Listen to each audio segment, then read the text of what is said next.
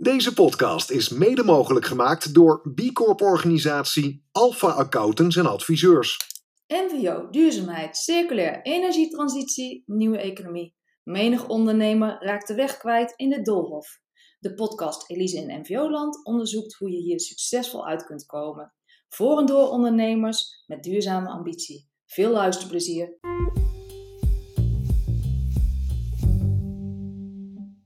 Floor van der Steen is co-founder van het familiebedrijf Maxis Organic Mints, dat heerlijke verfrissende en duurzame mintjes produceert en verkoopt. Een klein maar fijn product dat zich in zes jaar tijd van biologische niche-markt en in Nederland ontwikkelde naar internationaal en veel meer mainstream product. Voor alle facetten in het productieproces heeft Floor duurzamere alternatieven gevonden of ontwikkeld. Daarmee laat ze de conservatieve pepermuntwereld zien dat het echt anders kan. Hoi Floor, leuk dat jij hier bent. Uh, stel jezelf eens voor. Ja, nou, uh, dank voor de uitnodiging om mee te beginnen. Uh, mijn naam is Floor en ik ben medeoprichter van Maxus Organic Mints. Dat zijn echte mints on a mission. Wij maken namelijk een duurzame alternatief voor ouderwetse pepermuntjes. Wat leuk. Ja, nou bedankt. Ja, en waar ben je overal te koop eigenlijk? Waar kan ik jou overal vinden?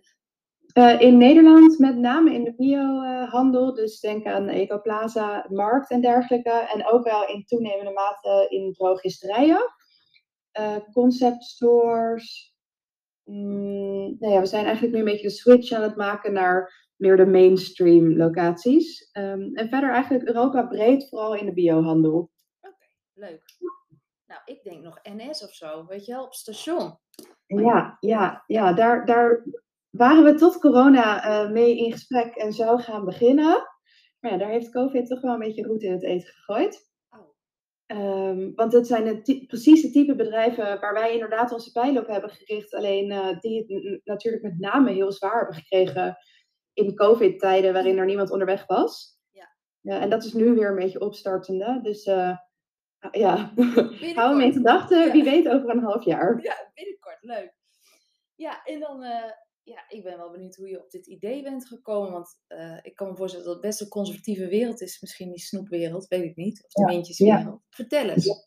Ja, ja het is zeker, zeker een conservatieve wereld. Uh, ik denk niet dat ik van tevoren wist dat het zo conservatief was. Oh. Uh, maar dus ik doe dit samen met mijn vader Pieter. En Pieter die heeft echt een achtergrond in de Die Hard snoephoek. Oh. onder andere als directeur van, oud-directeur van Sportlife. En uh, ik heb een achtergrond in de duurzame voedinghoek. Dus ik ben onder, onder andere marketeer en inkoper geweest van Markt, de duurzame supermarktketen die ik net ook al noemde. En eigenlijk met zijn snoep, ja, achtergrond en mijn duurzaamheidsachtergrond dachten we, hey, kunnen wij niet samen iets, uh, ja, iets introduceren waarmee we een verschil kunnen maken en dan in de snoephoek op een duurzame manier. Dat is een beetje waar het idee voor Maxus Minst ontstaan is. En specifiek pepermunt, omdat we zagen dat er best wel veel chocola natuurlijk alatonisch uh, al goed geproduceerd wordt. Dat er ook in de koekjes-sectie uh, uh, allerlei nieuwe merken op staan. Maar pepermunt zie je al nou ja, plus minus 25 jaar Smint en 100 jaar King Wilhelmina. Ja. en daar zagen we toch nog wel wat ruimte voor innovatie. En nee, dat werd Maxus Smint. Hoe kom je aan de naam? Want dat vond ik ook nog grappig. De hele familie doet mee, toch? Ja, nou ja, we doen het met z'n tweeën. Maar het is inderdaad vernoemd naar mijn broertje Max. Um, na heel lang naam zoeken, ik hoorde Pieter vaak dingen als mint.org zetten, eh, zeggen en ik liep er echt totaal niet warm voor. En toen kwam mijn broertje Max met het idee, pap, waarom vernoem je het eigenlijk niet naar jezelf? En daar viel voor ons het kwartje, nee, we gaan het naar jou vernoemen. Uh, superleuk, het is al een familiebedrijf. En, uh, en daarnaast allitereert het lekker, is het persoonlijk, kan het internationaal. Ja. Heeft het ook nog wel een connotatie naar frisheid, vind ik. Uh, dus uh, ja, daar, daar vielen eigenlijk de puzzelstukjes op zijn, uh, op zijn plaats. Um, nou, en jouw droom voor Max Mint dan? Want daar ben ik eigenlijk ook wel benieuwd naar. Want je bent, ja. je, je, bent volgens mij best groot aan het worden. Ja, worden, denken, worden. doen. Ja, ja. Nou ja, pepermunt is volgens mij het vierde meest gegeten soort snoepgoed in Nederland. En ik denk dat uiteindelijk iedereen die, maar ook Europa breed, pepermunt eet, uh, um, ja, Maxusmint zou, zou moeten of kunnen gaan eten. Dat is wel de droom, dat is wel de bedoeling. Uh, want wat wij proberen met ons pepermunt is een product neer te zetten dat ja, niet alleen goed smaakt en er goed uitziet, maar ook goed gemaakt is. Maar dat daarmee dus eigenlijk voor ook de normale, conventionele uh, consument interessant genoeg is. Ehm, want dat is natuurlijk wel waar het groot verschil maakt. Kijk, nu zitten we met name in de biohandel. Maar dat zijn wel consumenten die al zo bewust bezig zijn met hun inkopen. Terwijl eigenlijk juist aan de andere kant, die consumenten die daar niet per se op dagelijkse basis mee bezig zijn, daar is een groot, daar is een groot verschil te maken. En uh, ja, die consument hopen we dus ook echt aan te spreken. Ja, want met jouw mintje zou je dus eigenlijk die snoep, snoepwereld wel op zijn kop willen zetten. Ja, en, ja. hoe vinden ze het dan dat jij uh, dit doet? Of hoor je daar iets van terug? Vanuit de snoepwereld ja, bedoel je? Ja, vanuit de snoepwereld. Hè? Want dat, ik uh, bedoel, uh, ja, dat zijn ja. je concurrenten. Zitten ze met, allemaal met een schuin oog naar je te kijken? Of zeggen ze... Ja, ja, ik denk wel dat het in de gaten gehouden wordt. het is natuurlijk wel spannend om te zien wat een nieuwkomer doet. en we zien ook links en rechts ook wel concurrentie die kleine verbeterslagen maakt. Uh, dus ik, ik denk dat ja, de snoepwereld ziet ook wel dat het beter moet. Maar het is natuurlijk voor mij als kleine speler zoveel makkelijker eigenlijk om een radicale verandering door te voeren. Want als ik iets wil, dan kan ik dat bij wijze van spreken morgen doorvoeren. En hoeft het niet door een hele grote zee van bureaucratie en, en hiërarchie heen geworsteld te worden. Ja. Uh, dus ja, ik denk dat ze het wel spannend vinden, maar nou ja, goed, uh, uh, zolang ik nog niet heb laten zien dat we op elke locatie liggen, dat ze het nog niet per se, ja, nog niet echt eng vinden. Nee. Um, maar dat dus, gaat veranderen. Dat, nee. dat gaat veranderen, ja. Wil zeker. je dan eens vertellen wat er dan zo anders is aan jouw mintje? Want je hebt al gezegd, ja, uh, ja duurzaam, bio, ja. Maar, maar, misschien wil je, want de luisteraars weten dat wellicht niet. Nee, nee. Nou, wat wij met Maxis Mints proberen is eigenlijk aan alle stukjes van de productieketen um, het product pepermunt te verduurzamen. Uh, dat betekent concreet onder andere dat Maxis Mints biologisch zijn, 100% natuurlijk, uh, dat er geen gelatine gebruikt wordt. Er zit wel een andere, uh, sommige andere pepermunt. Um, we laten de mintjes bij een sociale werkplaats verpakken, waar dus mensen met een, een afstand tot de arbeidsmarkt, met een beperking of op een andere manier een probleem zitten en die krijgen daardoor weer een waardevolle baan. Um, en we denken goed na over onze productverpakkingen. Dus we gebruiken twee types verpakkingen op dit moment. Blikjes, omdat blik een van de weinige materialen uh, is die on oneindig recyclebaar is zonder verlies van kwaliteit. Um, en we hebben sinds kort ook zakjes geïntroduceerd die, door, uh, ja, die bestaan uit een industrieel composteerbaar materiaal. industrieel composteerbaar houdt in dat het in de afvalverwerkingsindustrie uh, gecomposteerd kan worden, niet thuis. Daar doet onze afvalverwerkingsindustrie dat nog niet, maar we verwachten wel dat het die kant op gaat. Uh, en daarnaast heeft die verpakking, het is gewoon een veel lichtere verpakking, vereist veel minder CO2-uitstoot dan bijvoorbeeld een blikje. Uh, dus ja, we zijn ook met verpakkingen bezig om te kijken of we dat duurzamer kunnen maken. En verder is er nog wel verder winst te behalen. We zouden bijvoorbeeld heel graag B Corp willen worden, maar dat is best een traject. Dus daar die, die, die is aanstaande, de start daarvan. Maar ja, we proberen dus inderdaad op alle stukjes van de keten te kijken, oké, dit is de standaard, hoe zou dat nou beter kunnen? Ja, gaaf. En dan denk ik ook met die sociale werkplaatsen, dat, dat vraagt wel het een en ander ook. En je zegt, we zijn een klein bedrijfje. Ben je daar dan, eh, zit die plek dichtbij en ben je daar veel mee bezig voor de luisteraar ook, mochten ze zoiets willen? Ja, we hebben er twee. Uh, eentje in Den Haag en eentje in Friesland. Uh, die in Friesland is niet echt dichtbij. Nee. Um, maar goed, we zitten wel heel dicht op hun in de, in de zin van contact met de werkbegeleiders die daarin zitten. En één keer in zoveel tijd gaan we met de productie mee, gaan we meekijken. Verder sturen zij vooral heel veel foto's en vragen en mededelingen. We zijn er laatste keer gaan filmen, dat is ook echt super leuk. Ja, tof. Um, maar ja, dus ja, op die manier. Leuk hoor. Hey, en over die verpakkingen, want er is natuurlijk altijd veel te doen rondom verpakkingen. En nou, ik vind het al heel gaaf dat jullie met jullie industrieel composteerbare verpakkingzakjes vooruitlopen. Maar hoe kom je daar dan op? Of hoe kom je daarbij? Wie draagt dat aan? Of hoe zoek je dat uit? Ja, ja. Nou, we zijn uh, in gesprek gegaan met een uh, duurzame verpakkingsexpert. Het is echt een woud, duurzame verpakkingen. Het is echt heel lastig. Um, maar we hebben dus inderdaad twee dingen gedaan. Aan de ene kant hebben we uh, nou ja, die duurzame verpakkingsspecialisten in de arm genomen en gekeken, oké, dit is wat we ongeveer qua inhoud willen gaan verkopen. En wat is nou een milieuvriendelijke manier om dat dan in te verpakken? En dus alle op opties doorlopen. En daarna hebben we een partij in de arm genomen en zij heette Pickler. En die, ehm, eh, die doen eigenlijk uh, LCA, Lifecycle Assessment Studies, om te kijken wat de levenscyclus van de verpakking is en wat de impact ervan is. Ehm, ja, om te kijken of we daar inderdaad dan mee op de goede weg zitten. Okay, dus dat, uh, dat zijn de stappen die we hebben doorlopen. Ja, gaaf. En, en dan laat je je, of misschien heeft je vader wel connecties in de wereld, of zoek je dat gewoon op internet? Hoe kom je daar? Um, nee, ik denk dat we dat, dat we dat gewoon gezocht hebben. Dus we hebben de partij die ons helpt met de verpakking heet PurePack. En uh, ja, dat is een, een, dame die dat alleen doet, maar die echt al heel lang in duurzame verpakkingen werkt. En, uh, en, en ja, daar ons echt, echt nu in begeleidt. Dus als we iets nieuws willen, dan, dan staat zij voor ons klaar om te kijken uh, wat de opties zijn. Ja, mooi. Nou ja, en ook een goede tip, hè? want ik denk dat er wel meer partijen stoeien met hun verpakking of wel willen, maar niet weten hoe. Dus dank je wel hiervoor in ieder geval. En ja. ik zag allemaal hele spannende nou ja, niet per se pepermuntsmaakjes. Hoe kom je daar dan bij? Ja, ja, klopt. Ja, we hebben dus op dit moment eigenlijk drie soorten verpakkingen en zes verschillende smaken. Ja. Uh, die smaken, dat zijn mento en spearmint, de traditionele frisse smaken. Uh, lemon, wat een fris, zure smaak is. Ginger pittig. Uh, licorice, drop, nou, die kennen we natuurlijk in de minthoek. En koffie, wat een beetje de vreemde eend in de bijt is. En eigenlijk het idee erbij is dat wij een mintje willen aanbieden voor elke uh, mintlover en ieder mintmoment. Um, en dat kan best wel betekenen dat je in de auto zit en uh, onderweg bent, net een broodje hebt gegeten en een verfrissing wil, maar niet per se van de menthol bent. Um, maar als je dan een ginger mintje neemt, die is, weet je, die is scherp, die is pittig, daar, dat, dat verfrist je wel, ondanks dat het een typische frisse smaak is. Dus dat is een beetje de achterliggende gedachte van, uh, ja, van een breder assortiment. Je kan gewoon meer mensen bedienen die allemaal een eigen smaakprofiel hebben. En, en dat bedenk je zelf? Ja. Ja. ja. ja. Ik moet er dan aan lachen. Denk, hoe kom je daarop? Oh, ja, nou ja, ik zou het niet zomaar bedenken. Maar super gaaf. En dan, want dat heeft een smaakje. En dat mm -hmm. is dan een natuurlijk iets.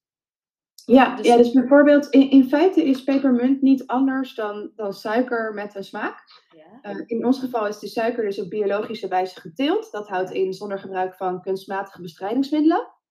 Ja. Uh, en bijvoorbeeld in het geval van de ginger zit daar dan een deel ja, dus een citroenextract bij en een gemberextract. Dat is eigenlijk in feite gewoon formale gember.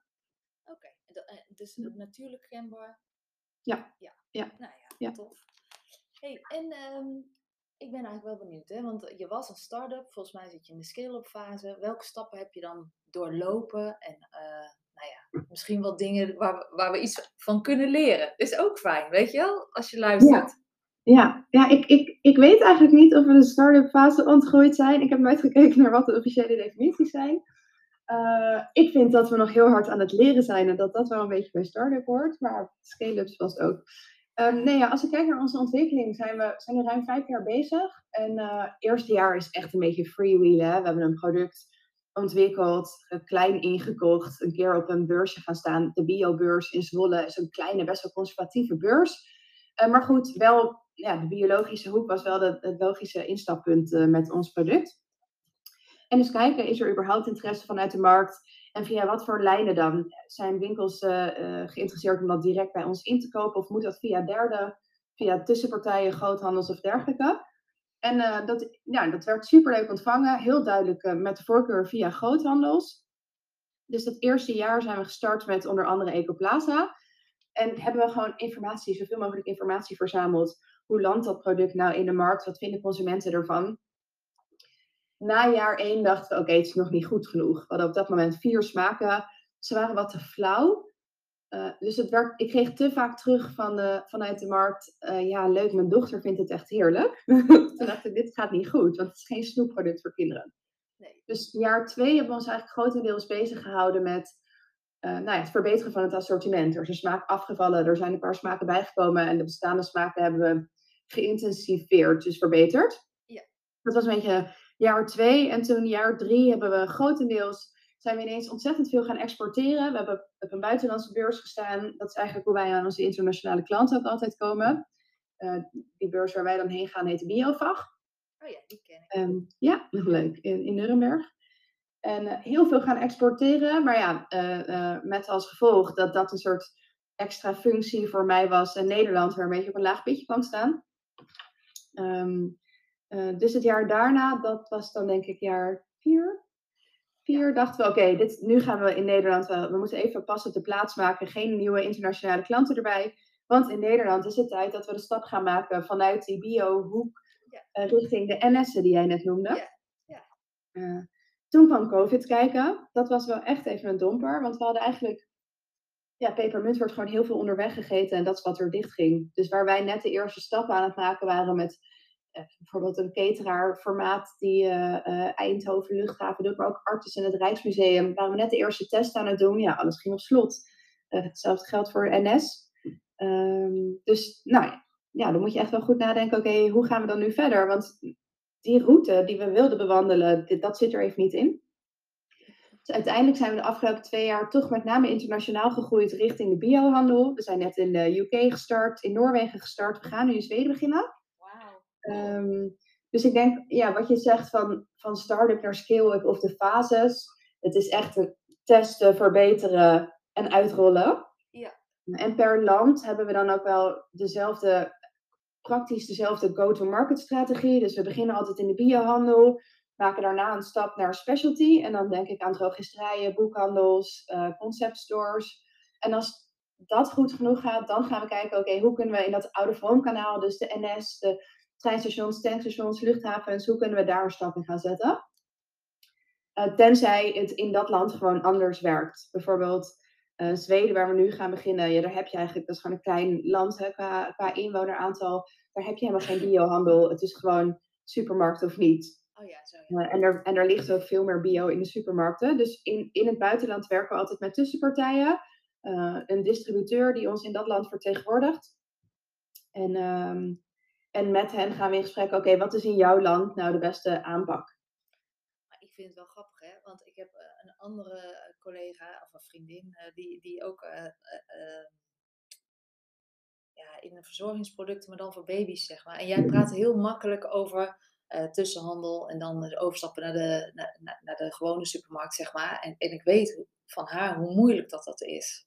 Ja, dus het, ja. het klinkt heel natuurlijk allemaal, maar heb je daar nog een tip over, nou voor haar of voor iemand anders, dat je, hoe doe je dat dan even van een bio uh, ja. de bio-stap naar de mainstream stap. Want dat is eigenlijk best wel een hele grote stap voor de meesten. Ja. ja, nou ja, wat je me ook nog niet hebt horen noemen, en dat is bewust, is dat ik denk, na dat out-of-home kanaal wat ik net noemde, daarna volgt eigenlijk pas de grote retail. Ja. Uh, en dat is een stap die wij nog nergens hebben genomen, omdat ik denk dat ons merk daar nog nergens klaar voor is. Uh, en eigenlijk alles voor de grote retail is wel kleiner dan de grote retail. Dus ik denk, wat ik net noemde, dat is best wel stapsgewijs. En de reden dat dat stapsgewijs is, is omdat je nou eenmaal niet alles tegelijk kan. Dus met ons product als bio-retail het meest voor de hand liggend. Vandaar de start. En daarna zijn we dus per kanaal dat aan het uitbreiden, omdat je een focus moet hebben in wat je doet. Ja. Um, uh, dus, en, en, en dan kan je die markt, dat stukje markt, die niche ook beter leren begrijpen. Dus uh, waar ligt bijvoorbeeld in de drogisterijhoek, wat dan dus voor ons na, na de biohandel uh, start, wat, dan kan je beter inzicht krijgen in wat is er daar al verkrijgbaar, welke spelers zijn er daar actief, hè, hoe pas ik daar in het concurrentieveld, want eigenlijk in elke tak ziet dat concurrentieveld er gewoon weer anders uit. dus nee, het is nooit makkelijk. En, en hoe wij dat doen is dus stel dat we ons bezighouden met de drogisterijhoek, dan gaan we eerst kijken of we op een x aantal locaties daar kunnen testen. Heel vaak heb je een x aantal grote ketens en een x aantal ofwel franchisers ofwel gewoon zelfstandig ondernemers die het wel leuk vinden om met een klein product te beginnen. Uh, en als je daar resultaten van hebt, dan heb je iets om te laten zien aan de inkopers van de grotere concerns. Slim. Um, ja, dus dat is een beetje de aanpak die we dan. Uh... Ja, en ik vind het gewoon ook echt, als je het ziet, het ziet er zo leuk en kleurrijk uit, jouw blikje. Weet je wel, dat, dat is al een blikvanger. Ja, gaaf. Nou, dankjewel. Dankjewel. Ja. Fijn om dat te horen. En als ik op jullie site kijk, dan staat er ook een heel mooi, kort, bondig verhaal over, uh, over wat jullie doen en hoe jullie doen. Mm um, doe je dat zelf? Of uh, weet je, want dat verhaal, dat, uh, misschien kan je iets vertellen wat dat verhaal voor jou doet, zeg Ja, dat moet ook wel een beetje ontstaan. Um, dus wij zijn begonnen met elkaar Eh, en met iemand die ons ook geholpen heeft met verpakkingen en, en hoe moet je dat merk nou neerzetten. Ja. Ehm, maar je begint, ja, wij zijn, ik denk er zijn een beetje twee mogelijkheden. Je hebt sommige merken die beginnen echt vanuit een probleem. Uh, dat hebben wij niet gedaan en dat is eigenlijk best wel lastig. Als je niet vanuit een probleem start, dan heb je namelijk ook niet echt een oplossing meteen in handen. Uh, en nu denk ik, oké, uh, we moeten met z'n allen verduurzamen. En dat is een verantwoordelijkheid van producenten, retailers en consumenten. En wij pakken die verantwoordelijkheid in het, in het minstschap. Dus eigenlijk het probleem is dat de anderen zich niet verantwoordelijk genoeg dragen. Maar op dat moment waren we vooral bezig met hoe kunnen we een duurzamere innovatie maken. En heel erg met de onderdelen die daar dan toe zouden leiden. Dus uh, biologisch, uh, natuurlijk. Uh, en, en vervolgens komt daar pas, oké, hoe, ja, hoe geef je dat dan vorm inderdaad in een verhaal? En dat is, ook, dat, dat is echt ontstaan over de tijd. Ook door terug te luisteren naar waarom legt een retailer het neer? Wat is hun argumentatie erbij? Aan consumenten, consumentenonderzoeken. Wat vinden jullie nou belangrijk? Waarom koop je het? Wat zijn de ja, belangrijkste argumenten voor jou om te kopen? En wat we daarin zien is dat mensen het toch in eerste instantie meestal het belangrijkst vinden dat het er leuk uitziet en goed smaakt. En daarna dat het ook goed gemaakt is. Maar dat is wel de reden waardoor iemand met een lekker gevoel de deur uitloopt. De winkel de deur uitloopt. Ja. Ehm, dus ja, dat, dat verhaal dat, dat vormt zich met de tijd. En ik denk nu dat het een duidelijk verhaal is. Weet je, wij helpen met onze pepermuntjes mensen. Uh, nou, dat zeggen we dan altijd. To feel fresh and go green. Ja. Uh, um, en, en dat is echt iets wat, ja, wat moest ontstaan. Dat, uh, maar dat doen, we, dat doen we grotendeels zelf door gewoon gesprekken met elkaar te hebben. En dan inderdaad met input van retailers, van consumenten. Uh, um, ja, af en toe wordt er nog iemand ingehuurd om met teksten mee te kijken. Maar grotendeels is het wel, ja, het is ons verhaal. Dus ook onze taal die daaraan hangt. Ja, ik vind dat heel verfrissend. Heel leuk. En ik, wat ik ook wel gaaf vind, want dat heb je al meerdere keren ook gezegd, van luister nou eens echt wat, wat uh, mensen graag willen. Weet je, van dus luister naar de klant, luister naar de retailer. Uh, en ga daar dan mee naar aan de slag. Dat hoor ik je echt al een paar keer heel duidelijk uh, zeggen. En dat je van daaruit ook iedere keer weer vervolgstappen neemt. Dus dat vind ik ook heel gaaf om te horen.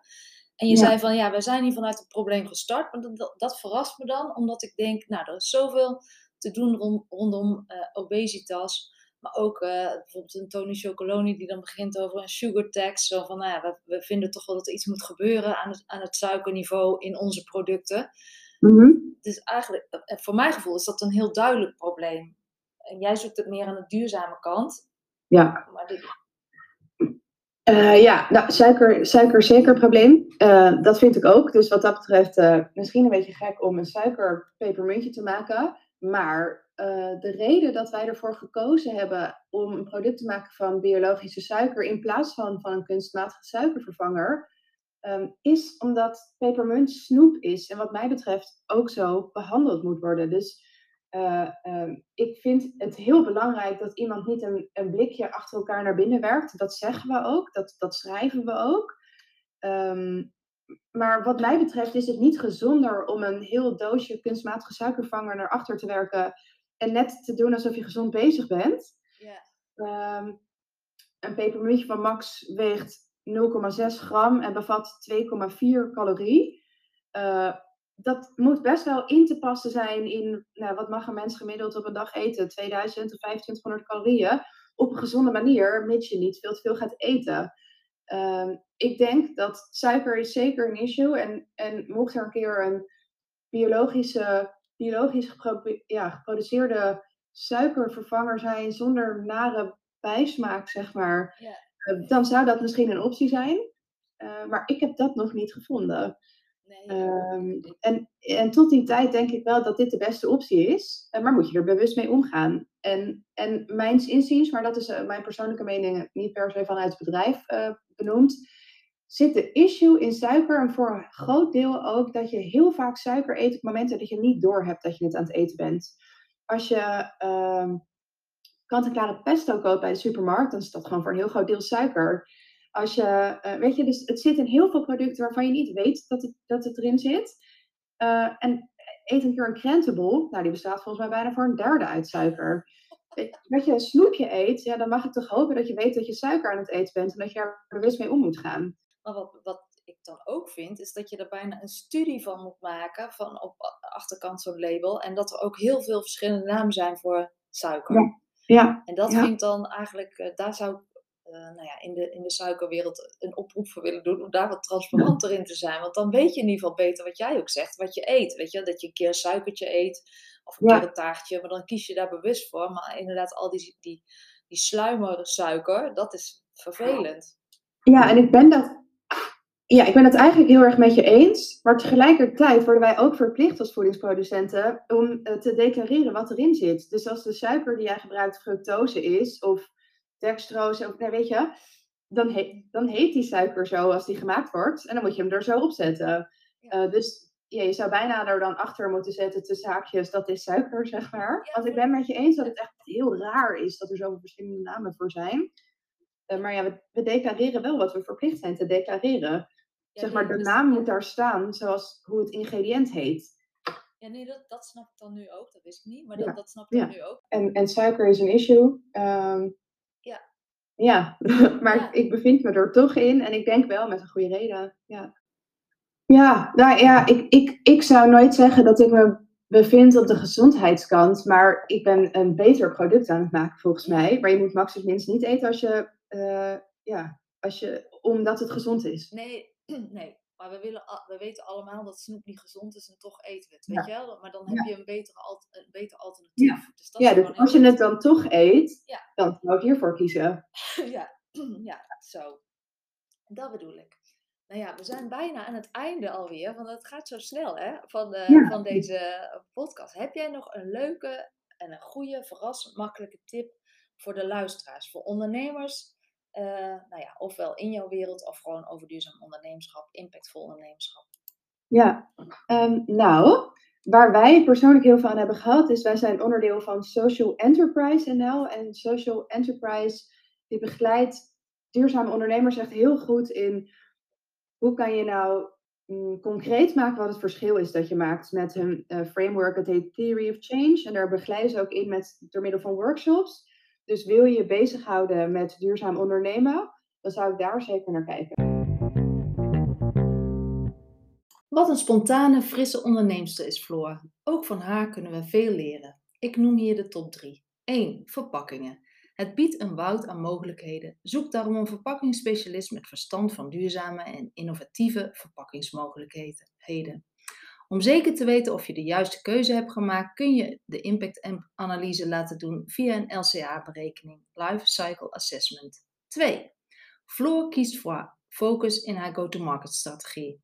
Eerst eens testen op een aantal locaties en met de resultaten daarvan eh, kun je vervolgens weer de volgende stap zetten. Bijvoorbeeld van de biohoek naar de specialty retail. Op deze manier leer je ook dat stukje markt beter begrijpen. Wat is er verkrijgbaar? Welke spelers zijn er? En hoe pas jij tussen deze concurrenten? 3. Luister naar je omgeving. Waarom legt de retailer jouw producten in zijn winkel? Wat zijn de argumenten van de klant om jouw product te kopen?